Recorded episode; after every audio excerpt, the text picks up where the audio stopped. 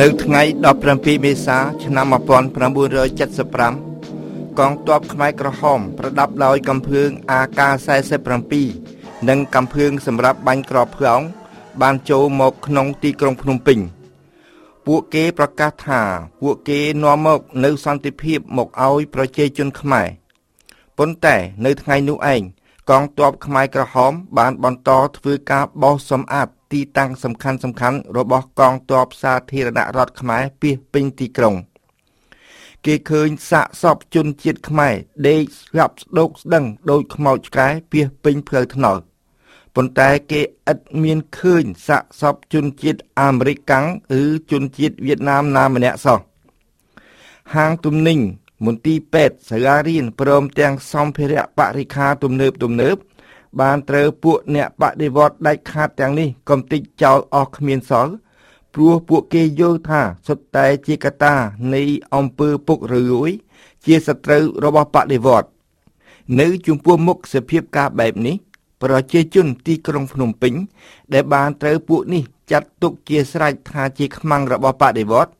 ជាខ្ញុំកញ្ចះរបស់ពួកចក្រពតអាមេរិកឬក៏ជាអ្នកគ្រប់គ្រងរបបសាធារណរដ្ឋខ្មែរ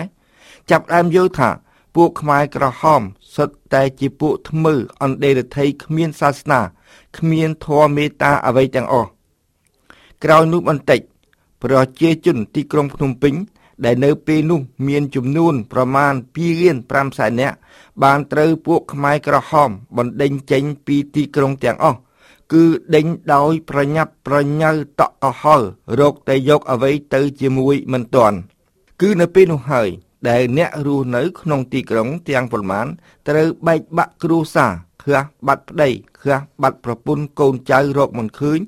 រហូតមកដល់សប្តាហ៍ថ្ងៃនេះ នៅថ្ងៃ17 18មេសានោះ ពួកខ្មែរក្រហមដែលដើរដេញប្រជាជនតាមផ្ទះបានភូតផលថា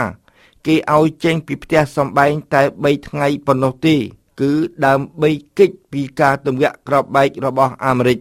ពួកខ្លះប្រាប់ថាមិនបាច់ចេញទេ ជាហេតុធ្វើឲ្យមានការខ្វែងគំនិតគ្នា រវាងពួកខ្មែរក្រហម និងពួកខ្មែរក្រហមដូចគ្នា គួរជាទីកត់សម្គាល់នៅទីបំផុតយោងទៅតាមបញ្ជាចុងក្រោយបង្អស់ប្រជាជនទាំងអស់ត្រូវចេញពីទីក្រុង ពីលំនៅឋានរបស់គេ ក្រោមការគំរាមកំហែងនៃកំភឿង AK47 និងគ្រាប់បែក B40 គេឃើញពួកអ្នកបដិវត្តទាំងនោះ បណ្ដេញទាំងមនុស្សឈឺទាំងស្រីមានផ្ទៃពោះចេញអស់ពីមន្ទីរពេទ្យពួកខ្លះអូសទាំងមនុស្សទាំងក្រែអ្នកដែលកំពុងភ្ជួរសេរ៉ូមមករុញតាមវិធីគួរឲ្យខ្លោចផ្សា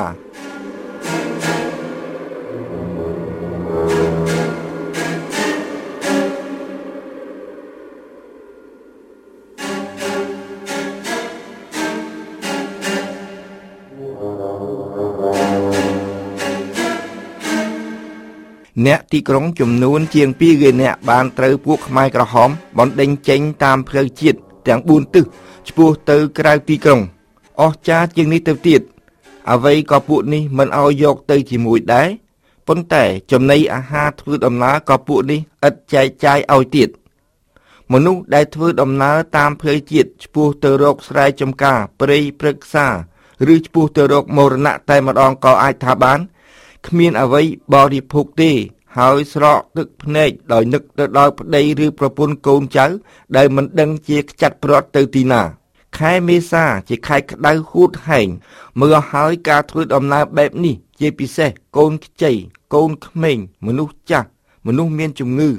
ត្រូវខ្យល់ចាប់ដួលស្រាប់យកទៅកប់សឹងពុំទាន់ព្រោះត្រូវធ្វើដំណើរជាក្បួនបន្តទៅទៀត ខឿនអាសោចសាកសពដែលខ្មែរក្រហមបានសម្រាប់ចោលធំស្អុយពេញបរិយាកាស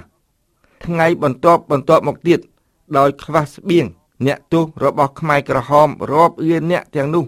ត្រូវទាស់ទែងបាក់បែកគ្នាព្រោះតែដណ្ដើមចំណីអាហារបន្តិចបន្តួចពីគ្នា គឺចំណីដែលខ្លះបានយកមកជាប់នឹងខ្លួនឬដោយយកគ្រឿងឲ្យអង្ការទៅដូរដោះជាមួយអ្នកភូមិតាមផ្លូវ រហូតមកទល់សប្តាហ៍នេះ គេនៅតែពុំយល់ថាហេតុដូចម្តេចបានជាពួកខ្មែរក្រហម ធ្វើបាបប្រជាជនឯងរបៀបនេះខ្លះជឿថាគឺដើម្បីប្រែក្លាយប្រជាជនទីក្រុងឲ្យទៅជាកសិករខ្លះទៀតយល់ថាគឺជាការគុំគួនអ្នកទីក្រុងតែម្ដងបើថាត្រូវប្រែក្លាយអ្នកទាំងនោះឲ្យទៅជាកសិករអ្នកបង្កបង្កើតផល ហេតុដូចម្ដេចបានជាពួកគេពំរងចាំមួយខែឬពីរខែសិនទម្រាំរៀបចំឲ្យបានស្រួលតាមការពិត គឺពួកគេមានមូលហេតុផ្សេងទៀតទោះជាយ៉ាងណាក្តី អ្វីដែលបញ្ជាក់ថាពួកខ្មែរក្រហម មានគោលបំណងដ៏ខូខើគឺការសម្រាប់ខ្មែរគ្នាឯងយ៉ាងសាហាវព្រៃផ្សៃតាំងពីពួកគេចូលមកក្នុងទីក្រុងភ្នំពេញ នេះជាទំព័រប្រវត្តិសាស្ត្រមួយដ៏ខ្មៅងងឹតដែលអ្នកដឹកនាំខ្មែរសម្រាប់ប្រជាជនឯងដោយឥត្រាប្រណីខ្ញុំសូមផ្ទះត្រឹមនេះសិនចុះហើយនៅសប្តាហ៍ក្រោយខ្ញុំនឹងរៀបរាប់អំពីរបបកម្ពុជាប្រជាធិបតេយ្យ